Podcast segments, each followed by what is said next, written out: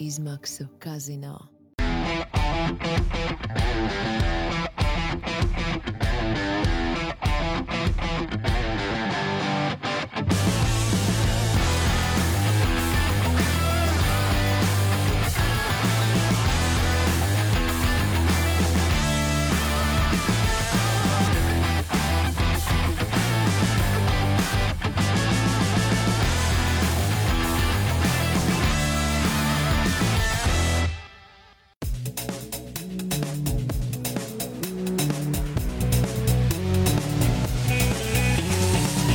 F1 LV podkāsts.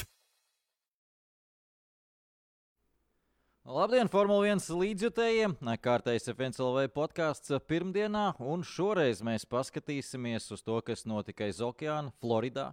Saulainajā Floridā, Miami lielās balvas izcīņa, mums pirmais ceļojums pāri okeānam un pirmais Amerikas posms. Sacīksti mēs varam vērtēt apmēram tā. Ā, Bet uh, es došu uzreiz vārdu Jānim. Viņam varbūt uh, krietni vairāk ir vārnīcā vārdi, kā aprakstīt uh, šo sacīkstu, ko mēs redzējām pirms apmēram stundām, nepilnām 12. Mm, Čau visiem, arī tiem, kuri nav F1 fani, bet skatās šo raidījumu tikai tāpēc, ka mēs esam beiguši forši ceļu. Uh, man noteikti nav vairāk vārdu kā Aldim. Man liekas, nevienam nav vairāk vārdu kā Aldim. Ja viņš var aiz, aizpildīt viens pats ēteru, četras vai cik tur tās stundas pēc kārtas komentējot, tad es teiktu, ka nu, tur nav nevienas konkurences vispār. Uh, tas, ko es varu pateikt, ir tas, ka es neaizmigu, uh, un tas ir labi. Uh, tas, ko es vēl varu pateikt, ir tas, ka, um, lai arī, teiksim tā, no manas sportiskā, tā kā mēs paši, man pašam ir komanda, mēs braucam, mēs, mēs at, atvedām no Pērnavas ļoti, ļoti labu rezultātu. Tad man jāsaka tā, ka tikko mēs aizbraucam tur, arī nosacīti, nu, nodominējam, bet nu, paņemam visu piedestālu. Es sāku aizvien vairāk saprast Red Bull. Es aizvien vairāk sāku saprast uh, Verstapenu. Es aizvien vairāk sāku saprast Mercedes, tā, ka viņi bija dominants gados. Jo tas ir nereāls darbs. Un tur ir jāsaklikšķi pilnīgi visiem ķeksīšiem. Pilnīgi visiem. Un es runāju tikai par ABC reizi. Es nerunāju par Formuli 1. Tur ir vispār kosmos. Ja? Tāpēc patiesībā ir tikai Šitā te jāsaka Redbullam. Šādā, pēc šā, šīs gongas pilnīgi noteikti jātaisa aplausa arī Verstapenam, jo viņš nolika visu pa vietām un atkal sariktēja, kurš te ir saka, galvenais čels rajonā. Um, tur nebija varianti. Pie tam no pirmajiem apļiem tas, kā viņš pozicionēja to formulu, tas, kā viņš gāja cauri tam pelotonam, uh, tāda samērīga, aprēķināta agresija, bet tāda skaista un tīra agresija. Man no pirmajiem apļiem pa lielam jau bija diezgan skaidrs, ka viņš šoreiz točna izskries baigi cauri ātri visiem un arī noķers Pēres un apdzīs. Nu, lai arī es iekšēji sirdī baigi cerēju, ka, nu, tur, nu, tu, nu, ka Pēres nu, tomēr iela trase un bla, bla, bla, bet tomēr Miami iela trase ir pavisam kaut kas cits. Un, un, uh, jā, un, un Verstapēns šoreiz izdarīja savu darbiņu. Nu, tas, kas man patīk, ātri paskaidrot pāri un pēc tam iedzinoties pārējās lietās, Alonso. Turpina. Alonso turpina. Patīk. Alonso malats. Viss ir kārtībā, tā kā, tā kā fēnijā. Tā kā tagad mēs varam ķerties pie kaut kāda tava saraksta, lai tur kaut kas daudz jēdzīgāks tas viss būtu. Jā, kamēr Jānis runāja Falštartā par uh, savām lietām, par ABC reisu, uh, es uzdevu YouTube jautājumu visiem skatītājiem ierakstīt kādu komentāru attiecībā, ko viņi domā par sacīksti.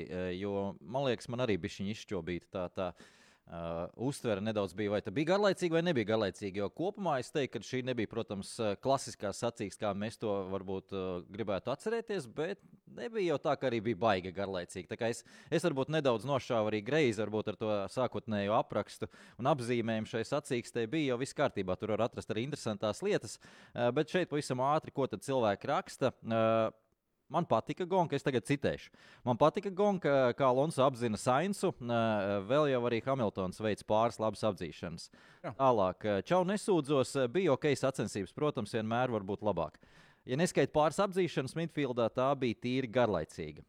M. raksta. Tālāk, Arthurs raksta, nekāda vaina Gonkai midfield cīņas bija labas, īpaši Leclerc un Magnusena. Uh, Tā kā dažādi viedokļi, eh, neviens nav tā, ka ļoti skarbs vienā virzienā vai otrā virzienā, un tiešām katrs var kaut ko šeit atrast. Eh, gan jau, ka, bet tas pārsteidzošais man bija Jāni, eh, nebija neviens zeltainais karoks.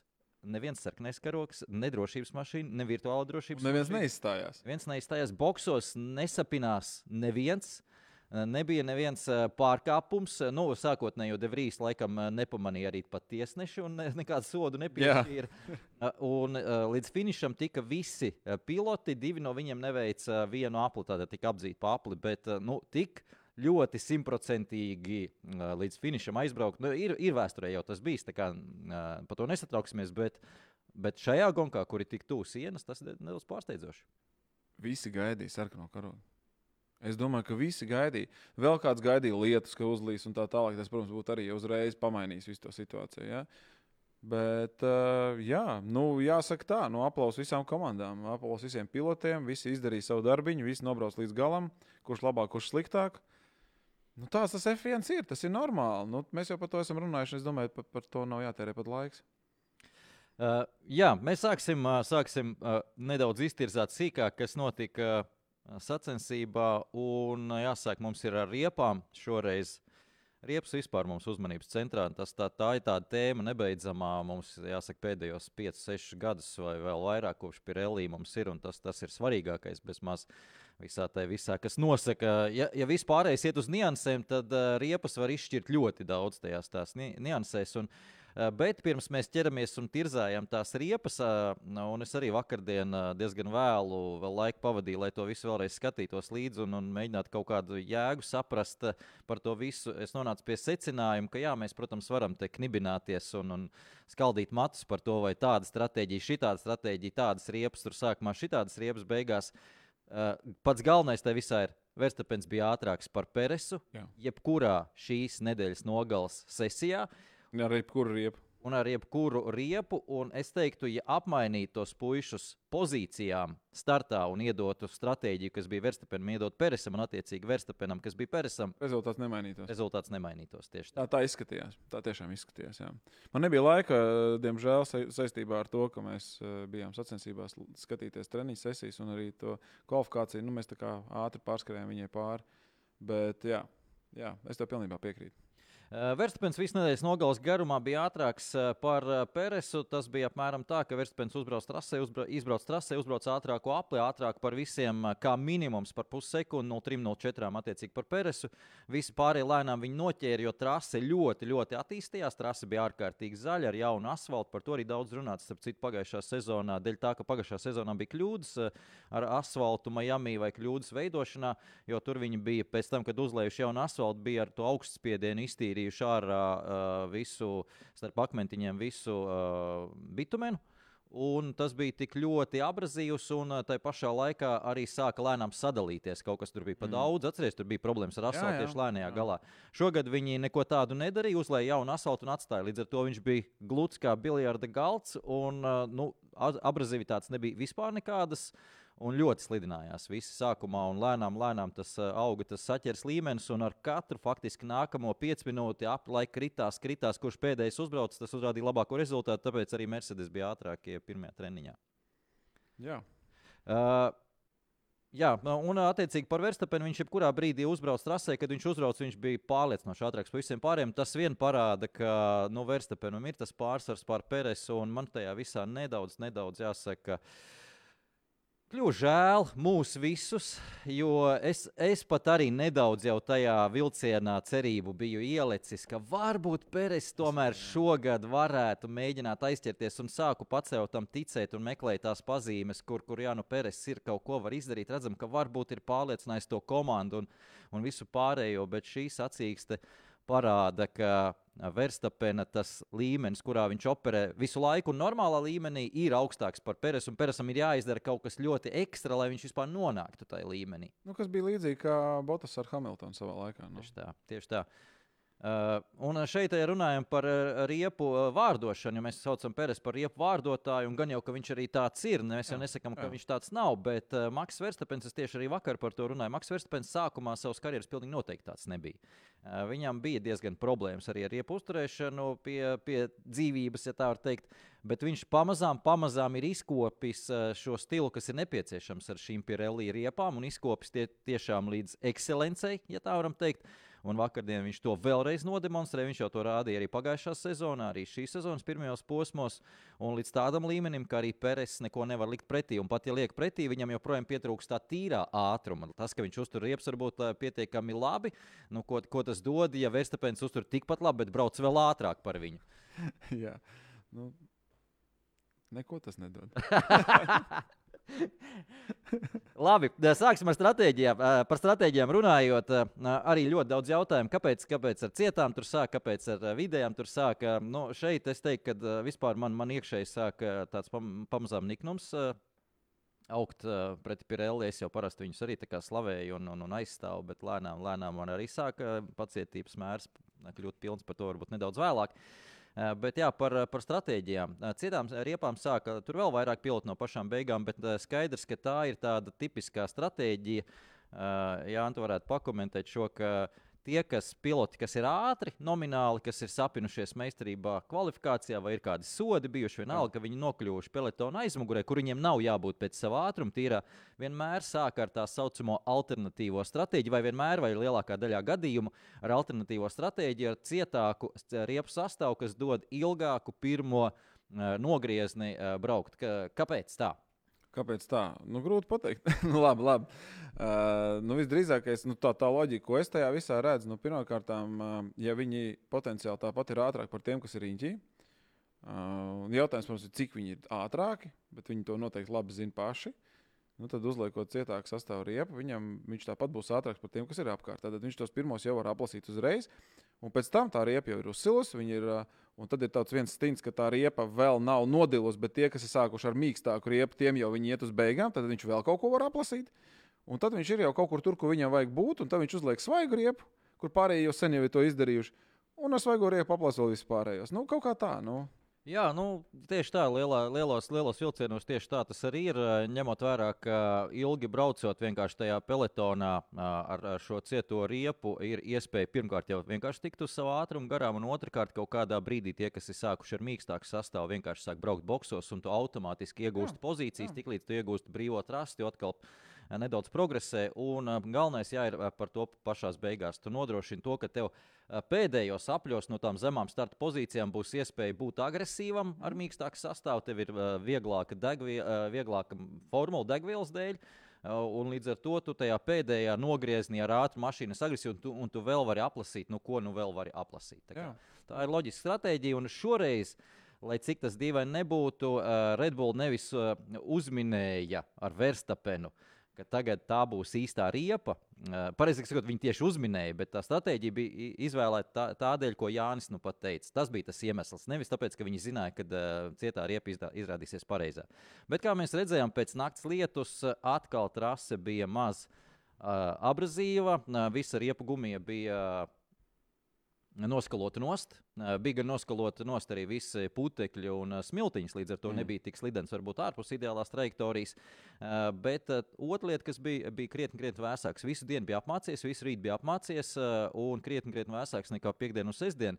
Līdz ar to tās simulācijas, uz kurām balstījās komandas, īsti nestrādāja. To komandas nojauta apmēram, kad varētu būt savādāk kaut kas, bet kurā virzienā tās, tas nebija īsti saprotams, bet bija skaidrs, ka sākot ar milzīgi smagu formulu un vidējo sastāvu, eh, nebūs tas pareizais, bet to viņi saprata tikai tajā brīdī, kad bija nobraukti pirmie 3, 4, 5 apli, un Pēters nevarēja tās riepas ieslēgt eh, nekādīgi, un radās problēmas. Un, kā viņš teica, es nevaru paļauties uz riepām, braukt ātri, jo plāns bija, ka Pēters izveido satrāvienu pašā sākumā. Mm. Tām riepām, bet redzēsim, viņš nekur no Alonso pat nē, nē, viņa, viņš nevarēja dabūt prom. Jā, es arī gaidīju, ka viņš skries prom. Redzot, ceļš, kā Verstapens tur šļūst cauri, kā karsts nāc caur, caur, caur sviestu. Man likās, nu, ka nu, viņam vajadzētu tā kā būt, bet nebija. Ne, nebija nu, Peresam nebija tempa vienkārši. Nu, tā, tādas sacīkstas gadās. Nu.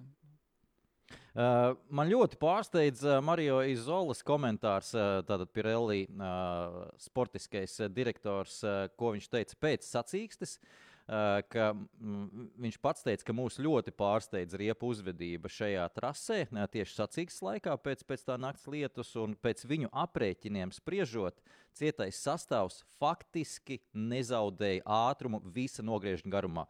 Viņi tātad veic aprēķinus, noņem nost degvielas. Nodegšanas izmaiņas, tātad to, ka formula paliek vieglāk uz Jā. tā rēķina, ka iet tātad formula ātrāk, to Jā. viņi noņem nost un tīri tikai riepas, riepas sniegumu. Un tas Uh, aprēķins bija tāds, ka riepas sniegums pirmajā aplī un pēdējā aplī garā nogriezienī cietās riepas sniegums atšķirās par 0,003 sekundēm, pa 3000 daļām. Okay. Ideja, un turklāt viņiem ir diezgan daudz pilotu. Viņi tas nav tā, ka Verstapeni viņi paņēma. Viņi paņēma visus. Un šajā posmā tas bija C2 sastāvs. Ja? C2, C3, C4. Jā, jā C2 nečs. Jā. Oh, okay. Jā, nu skaidrs, ka, protams, tur trase diezgan liels ievieš tās korekcijas, bet kāpēc es sāku runāt par to, ka diezgan niknums pārņem par Pirelli situāciju? Vai esat pamanījuši šogad visās, pilnīgi visās trasēs, visos posmos mums ir oriģinālā izplānoti viens boxa apmeklējums pēc piekdienas, sestdienas. Paši Pirelli ir uzlikuši sev plānu, ka minimumam jābūt divu boxu apmeklējumiem. Tas tika uzlikts pirms diviem, trim gadiem. Arī FIA, protams, jo tas, tas ir interesanti. Vienmēr divu boxu apmeklējumu. Sacīks laikā skaidrs, ka ir lielākas variācijas, lielākas iespējas muļķībām visādām sanākt. Pirelli šogad nevienā posmā nav trāpījuši. Nevis nav trāpījuši, bet viņu konservatīvā uh, stratēģija šobrīd ir nodrošinājusi mums vienu boxu apmeklējumu. Tas, ka bija tur divi, tas bija dēļ tā, ka bija kaut kādi ekscesi sacīks laikā, jā, nu, drošības no, mašīna, tāpēc jā, tur aizgāja. Bet normāli sākumā bija divi. Un tas arī šeit tieši tāpat, normāli sākumā bija viens, atvainojos, viens tātad. Arī šeit bija viens plānā, un viens arī izrādījās pats ātrākais kārtējo reizi, un viena boxa apmeklējuma stratēģija nu, mūsdienu skatītājam, tādam vidējam, ir par maz, manuprāt. Jā. Man, man arī patiesībā ir par maz. Manuprāt, divi es esmu pieredzējis ļoti pie diviem boxa apmeklējumiem. Vienmēr ir tā iespēja kaut ko atgriezt atpakaļ otrajā boxa apmeklējumā. Tas ir viens. Otrs ir tas, ka tas uzreiz uh, komandu stratēģiem um, nu, palielina to varbūtību, dažādu scenāriju vēl enkārtēji, tikko kā ir vēl viens pitstops klāts. Līdz ar to nu, un, un tas atkal savukārt palielina to iespēju kaut kur kļūdīties, vai arī, kā tu teici, palielina iespēju kaut ko atgūt vai kaut kā pilnībā samainīt tās situācijas. Un tas, protams, ka skatītājiem ir daudz interesantāk. Ja? Komandas noteikti to negrib. Skaidrs lieta. Bet nu, es kā skatītāju, pilnīgi noteikti būtu forši un interesantāk būtu, ja būtu šī divu pitstop stratēģija. Jo tad arī nu, tas nav tik paredzams. Jo vienu pitstop tu vēl kaut kā vari paredzēt, nu, tā plus mīnus. Kā tas viss tur attīstīsies tālāk, bet divi tur jau var būt viss kaut kas. Uh, jā, uh, skaidrs, ka tur ir otra, otra monētas puse vienmēr par uh, to, ka Pirelli jāpieskata, ir, lai riepas iztur sacīksti. Nevar skaidrs, ka viņi tagad viss mīkstās uzlikt, jo redzējām, kas notika. Uzlikt mīkstās, mīkstās sacīksti izturēja tieši trīs apļus. Jā. Četrus var būt, ja tu brauc lēnītēm. Skaidrs, ka tur ir tās milzīgās atšķirības, bet tas jau ir Pirelli rokās. Nu, šobrīd, diemžēl, tas ir nokavēts. Pirelli rokās ir gan to riepas vārījumu ķīmisko taisīt, lai tev būtu atšķirības varbūt starp šiem Uh, tipiem, gan iekšējo konstrukciju pielāgot, gan arī pats pēdējais solis, ka tas viss jau ir izdarīts, ir šo riepu sadalījumu uz katru posmu izmainīt un nebūt tik konservatīvi, un varbūt pat ielikt atšķirīgu, tātad kā bija pagājušajā gadā, ja nemaldos, divos posmos, kur atceries, nebija pēc kārtas C2, C3, C4, bet bija C3, C4, un pa vidu bija viens izlaists un C1, kas radīja uzreiz milzīgu atšķirību starp cieto un vidējo. Uh, un līdz ar to tur komandām nāks padomāt, pakasīt pakausi. Un šeit tas bija vienkārši tik ļoti, nu, uh, stratēģiem nebija jāiespringst, teiksim tā. Jā.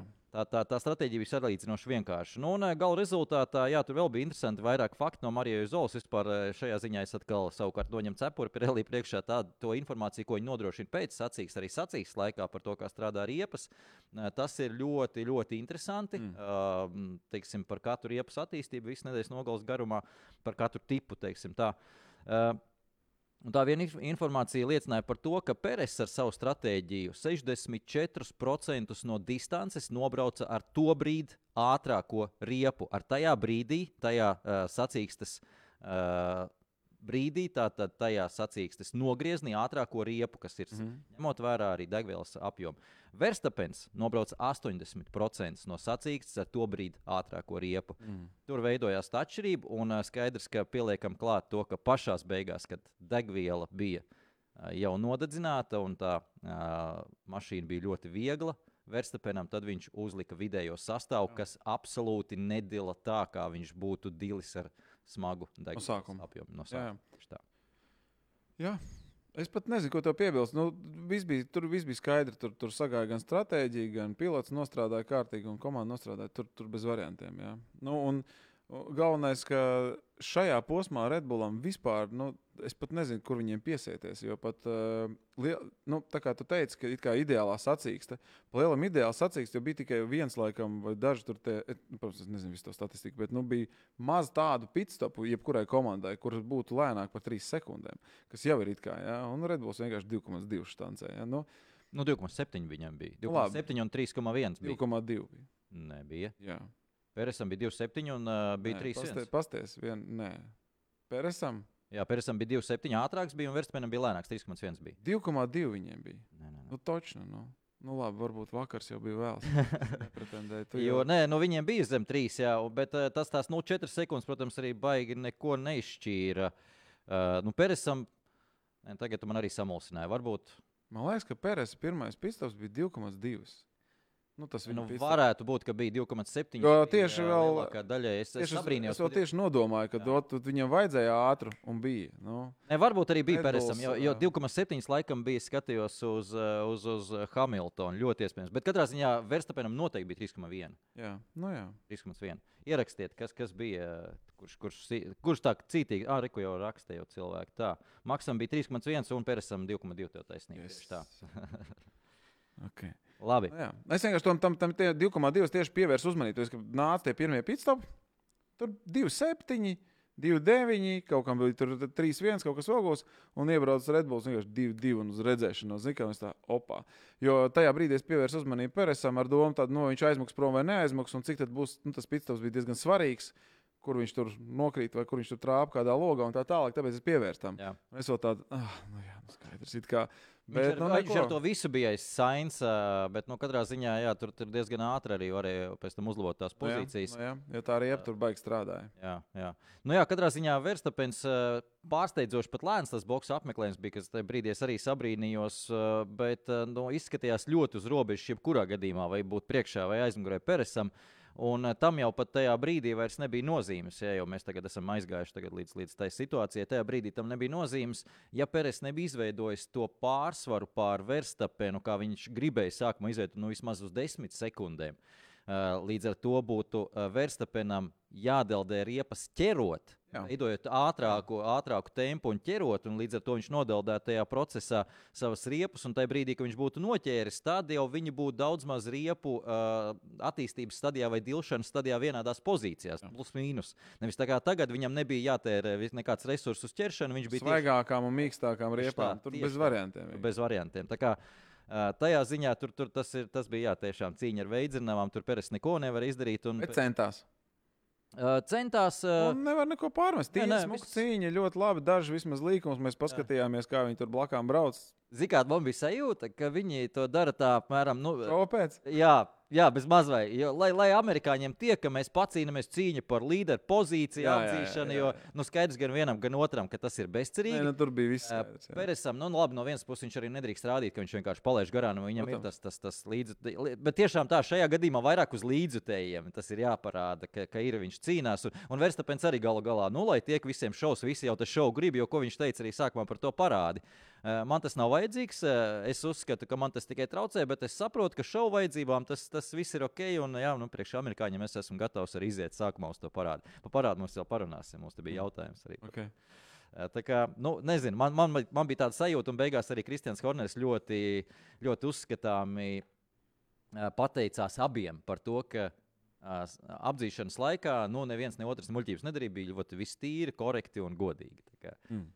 Es domāju, ka arī Jā, Kristians es šajā, šajā pēc šī posma, protams, izlaidu, izlaidu pēc, pēc, pēc uh, posma intervijas, ko es parasti skatos. Jo es vienkārši te jau biju tik vēls, un es biju tik noguris, ka es vienkārši tikko kā biju finišs, vienkārši izslēdzu, un es kā gulēju. Es nevarēju vairs izturēt. Jā, bet, uh, jā, jā, nu, skaidrs, ka tas bija šovam mums nu, un cilvēkiem, kas iedziļinās Formulā 1, bija skaidrs, ka Verstapens ar jaunākām un mīkstākām riepām tieši aizmugurē tur nevienam nav variantu šogad. Uh, jā, un uh, ja, nu, iepriekš varbūt tādas, uh, tādas asociācijas man arī nebija. Tas šoreiz man jāsaka, ļoti uh, Peres sāk atgādināt Valtteri Botas. Uh, Atcerieties, Valtteri Botas, Botas 02.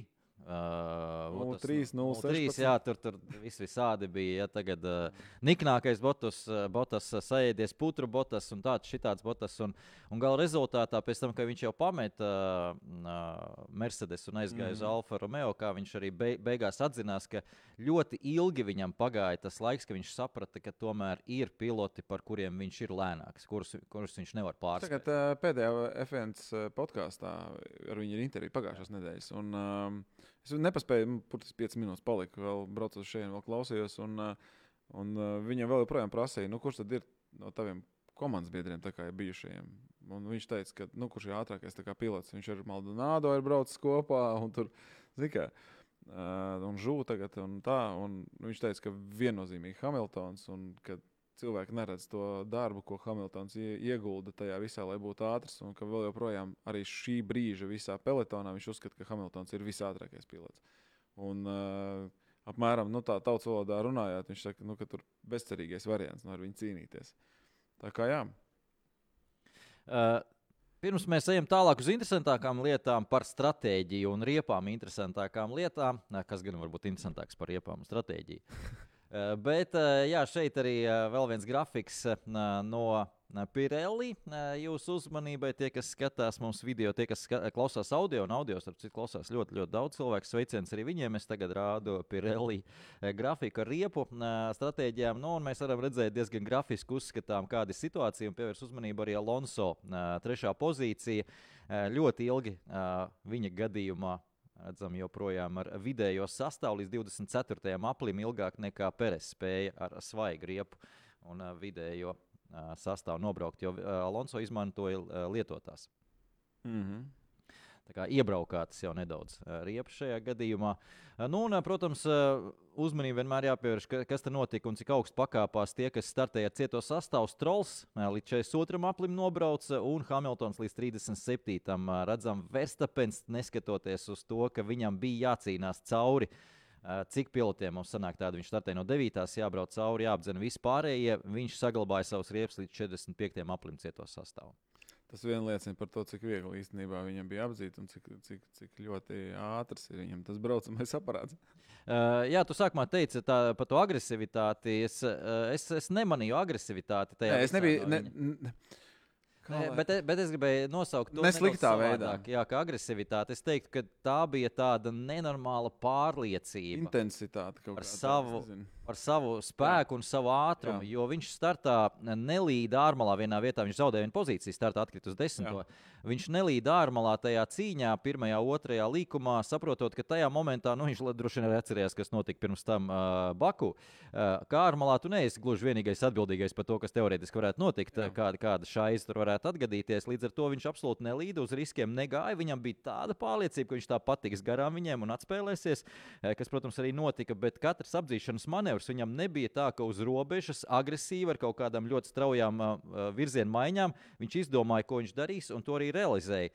Nu, šeit gan uzreiz jāsaka, ka lielākā daļa pilotu, kurus viņš apzina, vispār necīnījās. Vispār ne. Tā kā Visi viņus tā uz paplātītes, tā kā nu, brauc garām, nečakarē man gonku. Jā. Bet no elegantākais, protams, bija moments, kad viņš tika garām karstasinīgajiem Leclercam un Magnusenam, kas bija aizraujušies savstarpējā cīņā, o, jā, ka izēja uz starta finiša taisna abiem bija nedaudz ne tā veiksmīgākā, un viņš vienkārši tajā īsajā, salīdzinoši īsajā taisnītajā abiem pas, pašā garā. Tas bija skaists manevrs tiešām. Jā. Jā. Tas, tas ļoti uzskatām arī parāda, kāda tā situācija. Un šeit arī var saprast, ka, ka nu, pārējiem pilotiem nav jēga mēģināt noturēt aizmugurē par visām varītēm. Vienu apli varbūt varētu noturēt to verstapenu, bloķējot viņa pozīciju, bet skaidrs, ka tajā brīdī tā, tu sāc savas riepas nodeldēt, tu pats brauc lēnāk, jo tu nebrauc pa ideālo trajektoriju vairs, un tu uh, zaudē attiecīgi pret to, ko tu patiesībā tajā sacīkstē cīnies. Tu zaudē laiku. Nu, tu pielaidi klāt tos, kas ir aizmugurē, tev sev tuvāk. Tā kā nu, skaidra lieta, ka Nu, visi jau visi zināja. Visi jau zināja to verstapēnu tempu, tā vien izskatās, un tāpēc arī necīnījās. Jo bija skaidrs, ka tas, ko tu tikko teici, nav jēgas viņu turēt aiz sevis. Labāk, lai brauc un skrienam pakaļ, izmantojam papildus kaut kādu DRS, palaižam viņu garām tur, kur mēs varam paņemt to DRS un pašļaukt viņam līdzi. Nu, tā, tā ir. Bēdīgi no vienas puses, no skatītāja viedokļa, varbūt druskuļi bēdīgi. Bet, nu, jā, nu, kā jau es teicu, cepur nost Redbullam, viņiem ir ātrākā formula, viņiem ir ātrs pilots.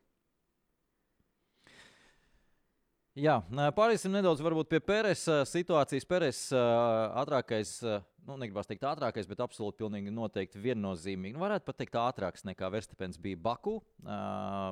Vienā līmenī viennozīmīgi ar Verstapenu Džidā. Tie ir tie divi posmi, ko viņš arī uzvarēja.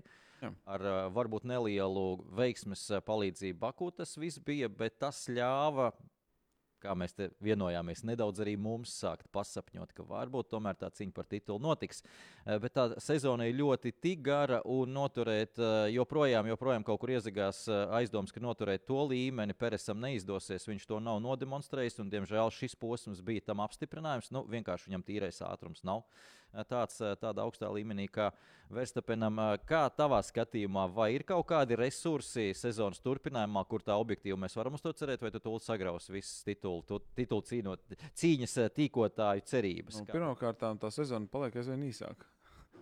Kāpēc? Tā viens posms nav, tā otrs posms nav, tad vēl kaut kas tur nav. Ja? Un tad pēkšņi vairs nav nekāds rekordskaits ar posmiem. Ja?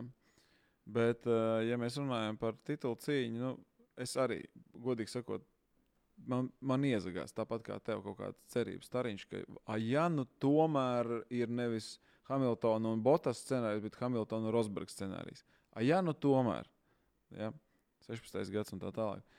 Bet um, nu arī jau, nu, es gribētu būt optimistisks, gribētu teikt, wow, viss būs forši, ceram, gaidām, viss būs baigi labi, bet, nu, godīgi sakot, šobrīd neredzu objektīvas iemeslus tā teikt. Es ļoti gribētu, lai tas notiek, jo tas mums nu, mēs esam pietiekami daudz pēdējos gados redzējuši, kā viens pilots aizbrauc prom ar čempionu titulu. Jau izcīnīja to, es nezinu, cik jau posms iepriekš. Un tas, protams, nav tas, ko skatītājs grib redzēt. Nu, kā ir, tā ir.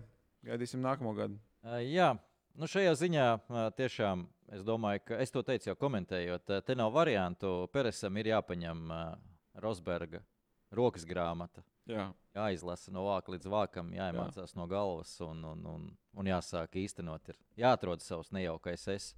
Pilnīgi noteikti, jo nu, savādāk laikam tas nestrādās. Bet šeit ir arī cita komanda nedaudz. Es teiktu, ka Red Bull ar savu menedžmenta stilu un arī Kristians Horns ar savu menedžmenta stilu neļautu tā izvērsties ala Rosberga stilā, kā Mercedes bija, kur tomēr ļoti ievēroja uh, uz pirkstgaliņiem, varētu teikt, ievēroja ārkārtīgi lielu vienlīdzību līdz mm. pašam pēdējam un centās to darīt. Eh, atcerieties, tajā laikā viņi mainīja uh, visus mehāniķus no vienas uh, boxu puses uz otras, mainoties sezonai, lai būtu absolūti viss godīgi un vienādi. Visi Hamiltona mehāniķi aizgāja pie Rosberga, Rosberga mehāniķi aizgāja pie Hamiltona sezonai mainoties. Mm. Tā kā, nu, tāds nekas dzirdēts nav iepriekš, nekur kas speciāli tāds - darīts. Tā kā, jā.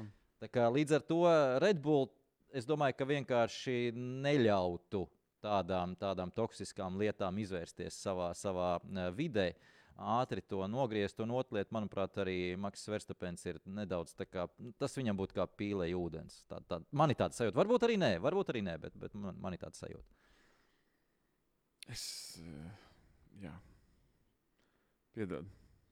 Nu, šeit tāda psiholoģija tomēr tā, tā lieta. Es domāju, ka nu, man atkal iesakās tā doma, ka tomēr pēc Baku, kur, kur Verstapens bija traki uzvilcies un saniknojies, atcerēties uz Džordžu Raselu, nu, kas tur bija. Nu, labi, tur pabakstījāmies. Bet nu, viņš bija tik ļoti uzvilcies, ka bija sajūta, ka viņu var izsist no līdzsvara. Bet nu, tad uzreiz eh, sa saņēmās un nākamajā dienā jau.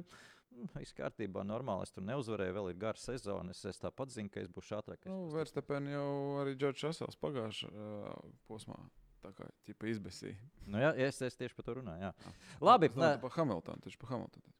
Jā, labi, iesim pie. Iesim pie Alonso. Pārmaiņas pēc kaut kā gaišāka. Es kaut kur izkrītu no kaut kāda konteksta. Man tiešām šodien ļoti grūti. Nu, smadzeņu darbība ir. Viens nav gulējis. Neviens nav gulējis. Tagad neuztraucies. Tie, kas skatās, droši vien arī nav gulējuši. Jā, nu, izņemot tos, kur varbūt atkārtojumā to darīs. Jā. Uh, jā, iesim pie Alonso. Uh, Alonso atpakaļ uz godu piedestālu 5 uh, sacīksts, 4 godu piedestālu, neskaitām sprintu. Uh, tajā, kur nebija uz godu piedestālu, bija 4. pozīcija. Alonso atkal uh, ātrs. Uh, Alonso, es teiktu, izspiež maksimumu, ko Aston dod. Un šeit vairāk. Un nedaudz vairāk, jā, un šeit ir ļoti žēl. Ta- Tagad jau mēs, mēs dabūjam daudz, mēs gribam vēl vairāk. Tas vienmēr apetīti aug ēdot. Un iedomājieties, ja Aston varētu nu, nedaudz aizķerties tajā cīņā ar Red Bull, ko Alonso. Alonso tur, tur roku nograustu, lai, lai tiktu tur cīņā ar Verstapenu un, un, un Peresu. Bet, jā, tad, kad viņš bija izdarījis savu darbu, eh, sacīks otrajā daļā, tad, kā viņš teica, nu, bija diezgan garlaicīgi. Sāku skatīties TV ekrānos, pastījos, kā Lans, Tas bija kolosāli. Vienkārši. apdzena. Viņš parādīja, tas bija labs apdzīšanas manevrs. Jā. Tā kā, uh, jā, attiecībā uz Lansu Strūlu zemo pozīciju, es ā, dzirdēju, v- nevis dzirdēju, bet lasīju arī uh, Twitterī bija, bija pamatīgi nokritizēts Lans Strūls. Un, un, un šajā ziņā es gribētu gan nedaudz viņu attaisnot. Neba viņš, protams, ir baigā ātrais un krutais, viss, viss kārtībā, bet. Bet eh, neaizmirsīsim, ka pirmajā kvalifikācijas kārtā tomēr Aston gāja uz absolūti nepamatotu risku, kā to vēlāk arī teica Maiks Kreks, eh, ka mēģināja izmantot tikai vienu mīksto sastāvu un saglabāt svaigas riepas. Līdz ar to nu, tā kā, tā kā vadošā komanda jau sākt spēlēt, tā kā mēs te ar vienu lidojošu apli, ar vienu mīksto sastāvu visus, visus tā kā tūlītās. Un, eh, tā trase attīstījās tik ļoti strauji, ka Alonso knapi ielīda tālāk. Un, un tā kā Strauss bija 0-2, tur aizmugurējās Alonso, kas ir normāli, kas, kas teiksim, ir pieņemami, kur es arī uzskatu, ka būtu jābūt tam Lansam Straulam. Jā. Zemāk, nu, būtu varbūt nepiedodami, bet viņš bija savā līmenī. Un tas bija tā atšķirība. Tās 0-2, kur viens tiek tālāk, otrs netiek tālāk. Tā kā nebija tā, ka Alonso tik otrajā, Strauss palika 18. un tā Jā. viņu reālā, reālā nu, tā nav. Tā nebija. Jā, jā. Kā, visdrīzāk arī Strauss būtu pat trešajā kvalifikācijā iekļuvis, varbūt tur astotā, nezinu, kur tur septītā vieta tam nav nozīmes. Bet nav tā, ka viņš bija bezcerīgs šajā ziņā. jā, es tev piekrītu. Nē, es tur šodien baigi runāt. Tiks. Nē, vienkārši, ko es varu pie šī pateikt? Nu, tā bija. Nu, Tā tur, bija. Nu, tu, ko, nu, Jā. tur, jā, nu, nepaveicās. Nu, komanda strateģiski nofufaļoja. Nē, bet tas, es domāju, ka eh, zinu, tas vēl tas parāda, ka viņi jau sāk domāt, ka uzvarētāji. Jā, Nē, labā ziņa ir tāda, ka viņi arī turpina arī darboties kā uzvarētāji. Tāpēc, ka mm, Alonso stratēģija bija arī ļoti laba un uh, sacīks laikā. Un viņi turpina pierādīt to, ka viņi ir spējīgi būt tur priekšā. Viņi ir spējīgi būt zem prožektora un uh, nemirkšķinot acis, darīt pareizās lietas. Tā tas ir forši. Tas ir tāds, tā kā, nu, tas ir prieciņš. Ja? Nu, es ļoti gaidu, kad beidzot tur, nezinu, Mercedesam būs kaut kāds. Nu, respektīvi, kad pie, beidzot parādīsies Merce, eh, Red Bull mašīnā Mercedes krāsojumi, es baigi ceru, ka kaut kas tur tāds būs, bet, nu, jā, nu redzēsim. Pagaidām Mercedes izskatījās briesmīgi. Neskatoties to, ka Rasels ir kā ceturtais, bet, nu tā. Sacīks sākumā vispār bija pilnīgs čau, un uz beigām kaut ko tur uztaisīja.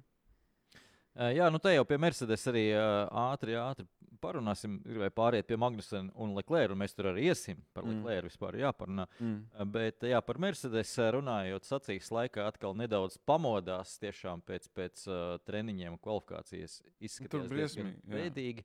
Un eh, šoreiz arī Toto Wolfa komentāri, ja tu palasīji pēc sestdienas, bija eh, nu, ārkārtīgi kritiski. Viņš joprojām lieto tā, tādus pieņemtos terminus, ka mēs tur. Mēs, ā, jā, bet nu skaidrs, ka viņš ir ļoti nikns uz to visu situāciju un nebaidījās tur skaļus vārdus teikt, ka mēs vispār nesaprotam, ko tā formula var, ko nevar, ko viņa grib. Ka, ka mums nav izpratnes par to mašīnu kā tādas, un ļoti labi, ka mums uz nākamo posmu ir tie uzlabojumi. Un skaidrs, ka viņš pats sākumā teica, ka nu nevajag cerēt, ka mēs tagad sāksim sist pušu Red Bull ar tiem uzlabojumiem, bet nu, tagad ir tāds sajūta, ka viņš nevar sagaidīt, ka būs tie uzlabojumi. Tur absolūti nav skaidrs. Bet, nu, redziet, sacīksti atkal nedaudz eh, pamodās tā visa situācija, kas ir interesanti. Tad viņiem tieši pretēji situācija ir ar Ferrari. Ferrari uh, kvalifikācija ar mīkstās sastāvriepām uh, bija solīdi. Uh, Jā. nebūtu avārija Leclerc, par to arī vēl bišķi parunāsim. Eh, Nebūtu avārija Leclerc, kas zina, varbūt uztaisīt vēl vienu brīnumu apli un kā minimums eh, otro paņemt. Nu, pirmo viņš nevarēja paņemt, tur, tur bija diezgan tālu līdz Redbullam, bet, bet otro varēja izšaut. Bet sacīkstē tiklīdz tiek uzliktas mīkstā un jo īpaši cietā sastāvriepas, Ferrari ir bezcerīgi uz sainci, to varēja uzskatām redzēt. Pieliekam vēl klāt arī to impotenci, kas viņiem ir eh, ar DRS. Un redzējām, ka Leclerc netiek galā Magnusenam. Jā, nu, um, interesanti ir tas, ka tieši Ferrari un Haas un arī Viljams, lai arī, nu, Ferrari un Haas brauc ar vienu to pašu dzinēju, bet Viljamsam ir Mercedes. Bet uh, tās ir tās trīs komandas, kuras tomēr kvalifikācijā ir ātrākas nekā sacīkstē. Nu, tas ir tas, ko es esmu novērojis. Uh, savukārt, uh, tur, ja mēs runājam par vidus ešalonu komandām, tad uh, Alfa Tauri, Alfa Romeo, uh, kas tur vēl? Nu, tie atkal tā kā Alpīna arī, Arī jā, kvalif- principā, faktiski, jā, kvalifikācijā. Kāds faktiski- ātrāk ir? Jā, viņi bija 4. un 6. vietā, diezgan pārliecināti. Nu, labi, tur, protams, arī bija. Arī Alpīna bija pie tās, bet, piemēram, Alfa Tauri, Alfa Romeo vēl tie, ka kvalifikācijā neko nespēja izdarīt, bet toties sacīks laikā tomēr kaut kur var spēja pakāpties uz augšu. Tur gan ir jāuzslavē tas pats Cunoda un tā tālāk. Bet, jebkurā gadījumā, uh, ir nu, kaut kāda, nu, teiksim tā, komandas sadalās trīs lietās. Nu, trīs tādās tā kā divīzijās. Viena ir komanda, komandas tā, kur ir ātri gan kvalifikācijā, gan gonkā. Tas ir tikai Red Bulls. Jā, savā grupiņā viņi Jā. vienīgie Un ir. tad ir tādi, kur ir ātri kvalifikācijā, un tādi, kur ir ātri sacensībās. Ja? Nu, tā, nu, tā apmēram tas viss tur tur tur Tad tagad ņēgu ņēgu notiek. Premjerlīgā mums, eh, mums ir eh, Red Bull, un tad eh, lokālās, nacionālās divīzijās mums ir visi pārējie. Ja? Jā, tur kaut kāds- futbola, futbola analoģijas, uzliekot to visu. Eh, Nu, Miami likās, ka, ir, ā, ka ka Red Bulls ir Premjerlīga un pārējie ir kaut kāds, nezinu, e, e, Mārupes ā, bērnu vecāku futbola skolas, futbola skolas labākie.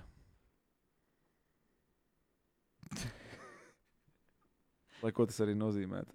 Labi. Par Leclerc, par Leclerc, Leclerc kļūdu. Uh, vai kā būs jāpaguļ pa dienu kaut kad?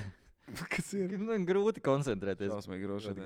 Bija Ticiet, ti- skatītājiem, klausītājiem, ticiet man, man ir, es, es, skatos pulkstenī, man ar pēdējiem spēkiem, es, es ceru, ka es izvilkšu. Es ceru, ka es nesākšu krākt. Trīs negulētas naktis ir aiz muguras. Šitai vecumā tas vairs ne. Trīs negulētas naktis, plus vēl pusotrs mēnesis intensīva darba ar, ar tehniku. Jā. Jā, labi par Leclerc kļūdu. Šī lieta man ļoti interesē un aizķēra patiesībā mm, kvalifikācijā. Otro reizi tā pati kļūda tajā pašā vietā, nedēļas nogalas laikā. Uh, Leclerc to attaisnoja to, ka viņš, viņš pat neataisnoja. Viņš uh, nu, šeit visu cieņu jāsaka Šarlam Leclercam. Viņš ir ļoti mācījies. Es atceros, ka viņš ārkārtīgais čīkstulis bija Bija sākumā. drausmīgs Jā, jā. čīkstils, saka Dievs. Tā Kā šoreiz viņš, ne, viņš tā arī teica, ka tas nav piedodami, ka es šādas divas kļūdas pieļauju. Neskatoties to, ka jā, es prasīju pats uzlikt pašus agresīvākos un nervozākos regulējumus, kas ir, jo tikai tā var ātru uh, apli uzrādīt uh, kvalifikācijā un kaut ko vismaz no tā izcelt. Uh, bet uh, divas kļūdas vienā un tajā pašā līkumā. Tā ir viena lieta. Otra lieta, ka nu, ko īsti Leclerc būtu ieguvis no, no tām pāris desmitdaļām un potenciāli tās pozīcijas. Nu, vai, respektīvi, vai tas risks bija to vērts, lai ietu tik ļoti riskā un redzējām, ka viņš vienreiz saslīdēs, saslīdēja otrais, un tās problēmas var būt krietni lielākas, izraisot avāriju, tur arī tika no, nomainīta pārnesuma kārba galu galā. eh, Viņa gadījumā, tā kā nu, šeit, ja tu neej pa to pirmo, un ja tu necīnies par titulu un par uzvaru, un tad, tad, tad ir tā balva, tad ir vērts riskēt. Tad es piekrītu, tiešām lietas visus bankus un riskēt. Bet šobrīd Es neredzu, nu, kad, ka viņš nespēja joprojām to risku aprēķināt. Bet no otras puses, protams, mēs visi gribam redzēt to maģiju, mēs, ko mēs redzējām Baku, ko var izdarīt kvalifikācijā Leclerc. Un es joprojām uzskatu, ka vienā aplī Leclerc ir nu, šobrīd viens no izcilākajiem Formula 1. Es, es domāju, ka pilnīgi noteikti viņš ir, ja ne pat visātrākais uz vienu apli. Uh, man patīk. Man patīk, ka viņš iet uz risku. It, it sevišķi sezonā, kad faktiski nu, nevienam nav variantu paņemt čempionu, izņemot vienu konkrētu personāžu. Uh, es teiktu, ka tas parāda viņa to. Nu, tādam ir jābūt Ferrari pilotam. Nu, tādam ir jābūt. Tādiem uh, Žils Vilnēvs, un es nezinu, vienalga, kas tas sauc, sauc jebkuru vēl. Nu, ir jābūt, nu, Ferrari pilotam tādam ir jābūt, kurš vienkārši spiedīs maksā, maksā ārā. Pilnīgi. Nu, es domāju, nevis Verstapen, bet vienkārši maksimāli to, ko var. Arī nu, tā skaitā, lai izspiestu maksā. Maksā Jā, tā kā saprot, nu, tas ir. Nu, tādam ir jābūt. Es, tas tāpat kā nu, manā komandā, ja, ja Džek, tur, nu, es, es viņiem saku, es saku, ja tu strādāsi, iesi pāri savām robežām, spiedīsi kaut ko un kļūdīsies, manā acīs būs daudz labāk nekā, ja tu brauks safe modā. Tu man neesi interesants safe modā. Ja es redzu, ka tu pušo, ja, ja es redzu, ka tu gribi būt ātrs, kaut kur kaut kādas kļūdas, tas ir normāli mācīšanās procesā. Un šajā gadījumā Leclerc tas pats. Nu, viņi, jā, viņš spiež maksimumu no tā formulas. Nu, viņi meklē risinājumus, viņiem ir jānoķer Redbulls, viņiem ir kaut kas jādara. Un, un Leclerc to spēja izdarīt. Nu, tā kā tu teici, Bako viņš to izdarīja. Jā, uh, tas, tas uh, arguments, kas, kas ir pret šajā gadījumā, to uh, loģika, kas ir, protams, no romantiskā viedokļa, tev piekrītu, Žils Vilnevs un tur Digija Pironi un Nikijs Lauda, visi spiež ārā maksimumu, un mēs redzam, cik tas ir skaisti, bet tā ir tāda varbūt nedaudz romantika, ņemot vērā to, ka Es esmu romantisks cilvēks. Ņemot vērā to, ka Karlos Sainz visu nedēļas nogali bija lēnāks par uh, Leclercu. Nevienā brīdī necentās neko palikt, izlikt no biksēm, lai kaut ko panāktu. Un šajā čempionāta stadijā, ja mēs ticam tam, ko saka Ferrari boss Vasūrs, kad sezonas otrajā pusē, tad, tad mēs liekam to uzsvaru un mēģināsim pacīnīties. Tad šajā sezonas stadijā viņiem galvenais uzdevums ir paņemt maksimāli daudz punktus uzreiz aiz Ferrari, uzreiz aiz Red Bull. Un ko izdarīja Sainz? Sainz neko neleca, neko paņēma maksimumu, ko varēja paņemt, un ir priekšā Leclerc. Leclerc centās, kļūdījās aizmugurē. Viņš, tu, viņš tur arī sapinās, sacīks laikā nekur augstāk netika. Un man jau arī patīk. Es jau nesaku, ka man nepatīk, bet, nu, ja es nolieku to malā un tā, tā vēsāk par to domāt, tad, nu, kura stratēģija beigās ir labāka? Nu, labi, šeit, šeit sacīkstē, nu, cik tur tā atšķirība? 3, 4 punkti. Nekas jau nav it kā, ja, bet, bet nu, ja tā, tā, tā ilgtermiņā domājam, tad, tad tas. Tas varbūt nav pareizais risinājums, un tie riski ir jāspēj iz, izšķirt tikai pašam Šarlam Leclercam. Vai viņš ir gatavs uzņemties to risku ar, ar agresīviem regulējumiem vienā lidojošā aplī un neielikt tai sienā? Ja viņš ir to gatavs izdarīt, viss strādā. Bet redzam, ka viņš to nav gatavs izdarīt un pieļauj divas identiskas kļūdas vienas nedēļas nogales laikā, kas top pilotam, es neteiktu, ka ir nepiedodami, bet nu nav tālu no tā. Jo Leclerc tomēr atceries. Nevar pārmest viņam, ka viņš jau varēja, jo grib pacelt to formulu pilnīgi citā līmenī, uz ko tā formula nav spējīga, tad, kas it kā varētu būt attaisnojums. Jo atcerieties, pagājušā sezonā viņš tobrīd ar labāko formulu no līderu pozīcijas ielika bortā Francijā. Nu, vai tu esi tādas kļūdas redzējis nu, pat Hamiltona izpildījumā no līderu pozīcijas bortā? Verstapēna izpildījumā, ka viņš cīnās par čempionu titulu no līderu pozīcijas bortā, ka tev neviens nepresingo, tev neviens neapdzen. Man patīk tev argumenti. Un tagad jautājums. Tev ir Formulas 1 komanda. Gada beigās tev vajag izvēlēties pilotu. Um, Nu, teiksim, nevis gada beigās, ir parasti tajā silijas izzinā, saucamā, tajā, tajā pauzītē, kad ir tur augsts. Man jau sāk patikt šis jautājums. Jā. Un tev ir divi piloti pieejami. Sainz un Leclerc. Un Sainsam ir vairāk punktu. Kuru izvēlēsies? Leclerc. Nu, viss, nu. Nu, labi. es, es, jau, es, jau, es jau nesaku, ka tā nav. Es tieši to arī saku, ka te ir divas puses un kā tu uz to skaties. Un galu galā motorsports ļoti bieži ir tīrā matemātika. Tu galu galā tīri matemātiski rēķini visas iespējamības, galējo Ja tu rezultātu. nepie- Ja tu necīnies par čempionu titulu, tad, tad tas, tam, tas tam ir otršķirīgi.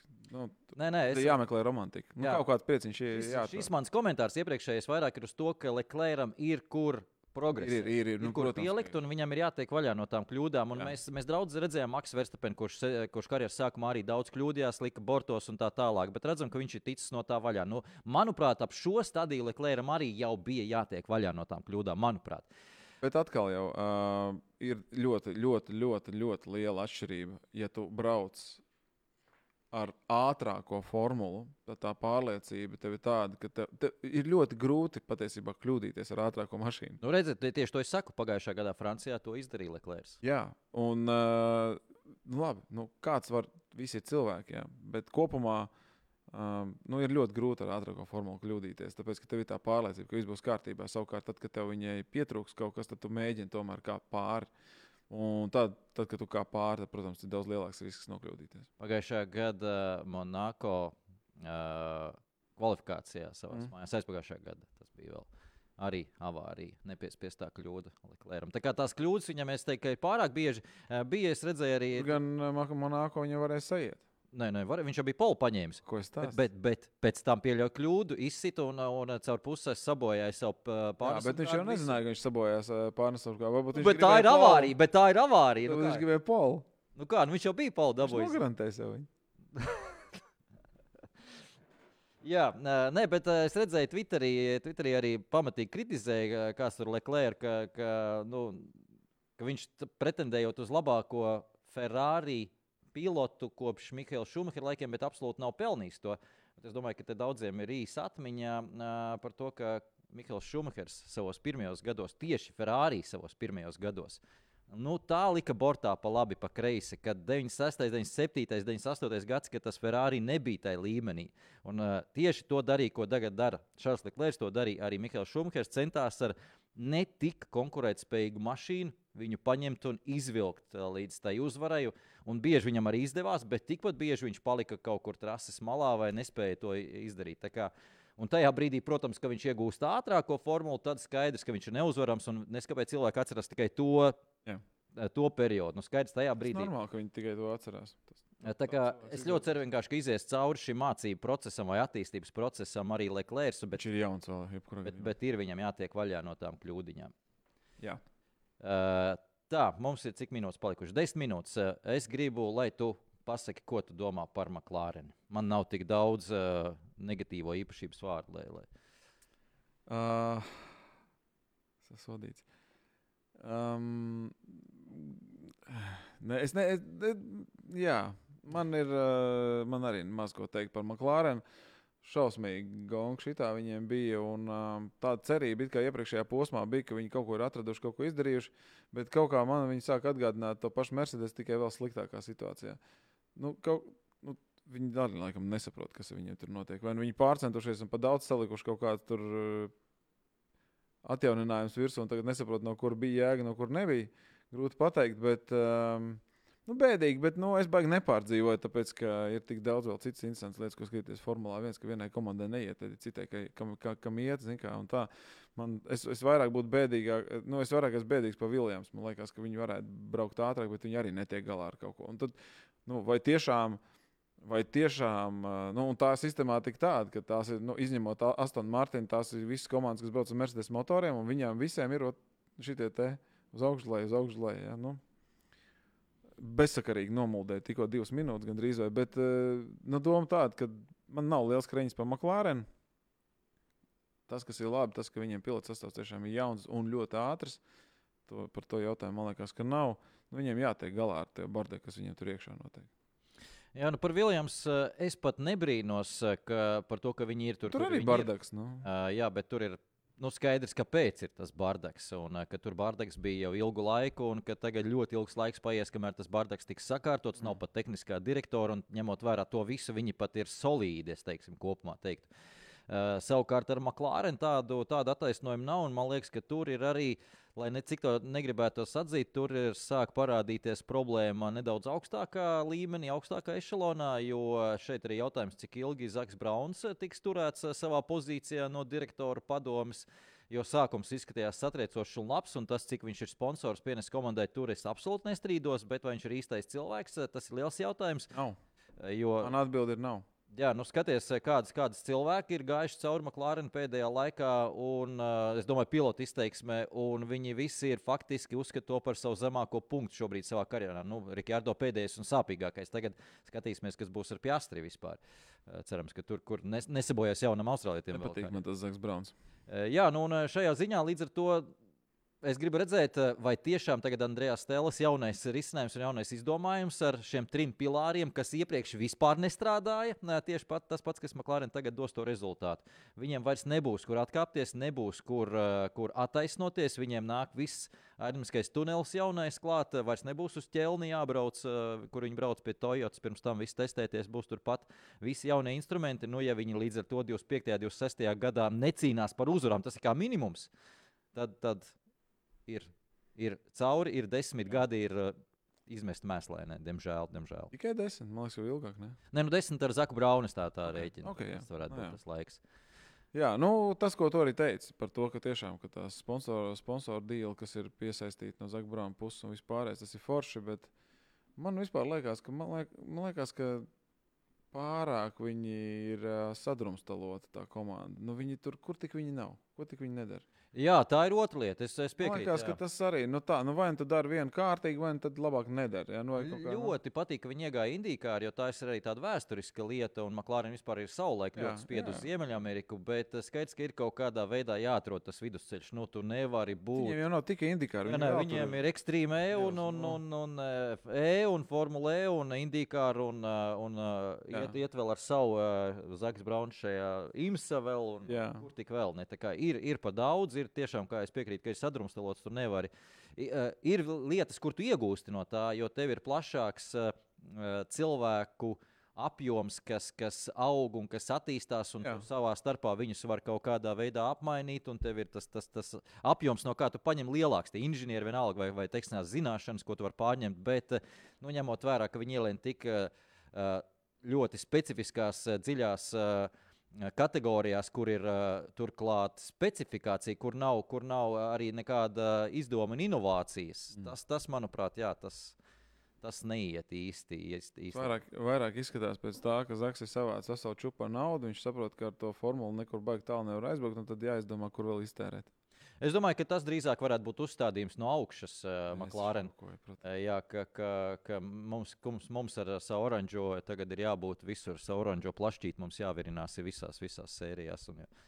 Tā kā, Jā, tā varētu būt. Labi, ko tu domā? Bija jautājums, ko tu domā par eh, LL Cool J eh, šo priekšnesumu un Vilajām. Vilajām tur tiešām diriģēja orķestri. Eh, Es, es ceru, ka visi redzēja, jo, jo, jo mums Vieplay sākās tiešraidi, un mēs jau tā esam šajā sezonā izspieduši no Vieplay, ka mēs sākam tiešraidi 15, nevis 5 minūtes pirms, reiz, nevis reizē ar galviņu, bet vēl 10 minūtes iepriekš Jā. kur viss notiek uz, uz starta, kur arī var izstāstīt, kas noticis ir, pa treniņiem un kvalifikāciju. Un mēs sākām tajā brīdī, kad bija jau iznākuši, nu, vismaz man liekas, kad 15 pildi bija iznākuši pēdējie tā, tie, tie, tie līderi, kas nāca, tad, mēs jau redzējām to. Tiešraidē es redzēju arī pārējos.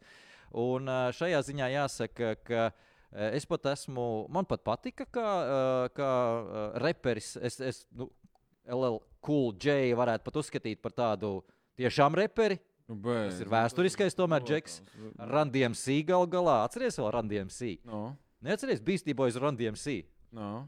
Nu, jā, viņš, viņš ar viņiem. Viņš Viņš, viņš arī tur ar viņiem. ir šitajā balītē. Nē, nē, nē, nē. pirms tam, pirms tam. Pirms dziedāja. tam, nu, Jā, jā. nu.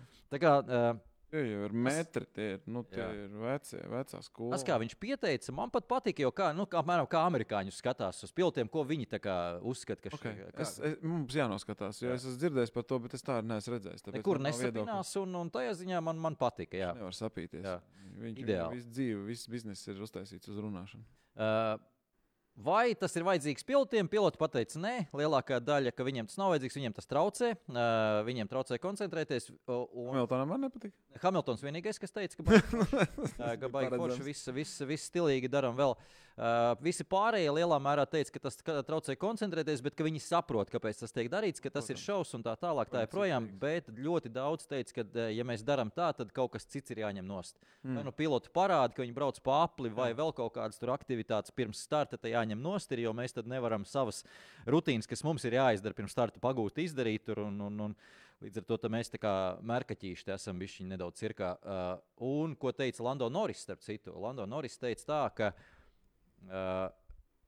viņa gadījumā viņš varbūt arī uh, nebija sajūsmā par to, ka nespēja uh, nokoncentrēties, un tas, tas viss paliek ļoti dīvaini, bet atšķirība ir tāda, ka nevienā citā sporta veidā viņš nezina, kur sportisti tik ļoti ir pakļauti publikai.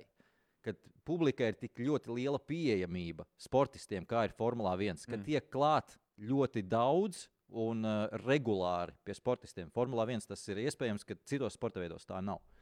Nu, ja tā padomā, laikam pat jāpiekrīt. Var jau būt, bet, zini, kā, ja tev uh, maksā miljonus par to, ka tu stūrē formulu pa trasi, nu, Tad bija viņa pamērķīt arī jāpiestrādā. jā, nu, ir medaļām divas puses. Vai tu gribētu redzēt visos posmos tādu, tādu pasākumu? Man tas neinteresē vispār. Man vispār neinteresē tie šovi. Ne, un, ne, ne priekšā, ne aizmugurē, nekur, lai viņi tur kur, kur būtu. Man tas pilnīgi neinteresē, man tas vispār neskar. Man interesē sportiskā sadaļa visā tajā padalītē. Alonso teica, uh, ka nav godīgi, uh, ka mēs tagad taisām Amerikā tā, uh, kāpēc itāļu fani netiek pie tāda šova. Tad taisām visur. Taisnība. Alonso teica, bet uh, viņš arī tieši to pašu teica, ka bet tad noņemam kaut ko citu nost. Jā, nu skaidrs. Zini, kā es neesmu gājis to rutīnu cauri. ir- Viņam ir abnormāls daudzums ar visām tur autogrāfu sesijām, tur intervijām, tas šitais, pa vidu vēl Netflix kaut kur vazājās. un Tad tur tas skaidrs, ka tas viss tev nogurdina, jo tev. Tu esi visu dzīvi darījis to, lai tu būtu Formulā 1, un tu gribi būt labākais. Tev ir skaidrs, ka tev ir jāiegulda ļoti liels darbs visā tajā fiziskā sagatavotībā un pārējā lietās. Un tad, kad tev visu laiku fonā kaut kāds otrs tur lido, kad tu sēdi, tu man stāstīji, ka tev romantika ziemā patīk. Tu iekurini krāsnī, tu paņem grāmatu par Formuli 1 un tu sēdi un lasi. Nu, un tad viņiem visdrīzākais ir tā, ka tu, tu sēdi tur, lasi to grāmatu, un tev visu laiku otrs ap galvu, un tu viņu neredzi. nu, tad apmēram tā jau tas arī ir. Nu. No, tā kā es nepiekrītu, protams, es piekrītu tam visam.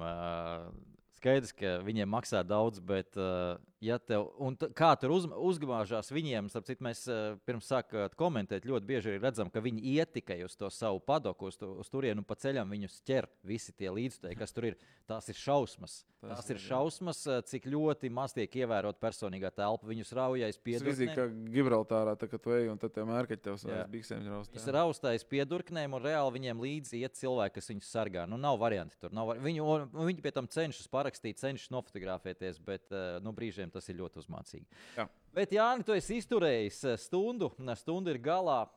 Oh, tagad varēs divas neticami. nedēļas atpūsties. Īstenībā bija labāk nekā es biju iedomājies. Bija jautri ar tevi papļāpāt. Uh, labi, paldies visiem, kas skatījās līdz galam. Divas nedēļas atpūšamies, tad būsim Imolā. Tur būs atkal uzlabojumi. Uzlabojumi no Mercedes. Laikam tā ir tā lielā lieta, ko mēs gaidām. Es gaidu.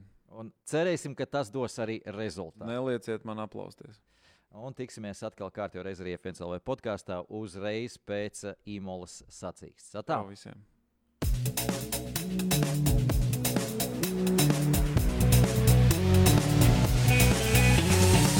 F1 LV podkāsts.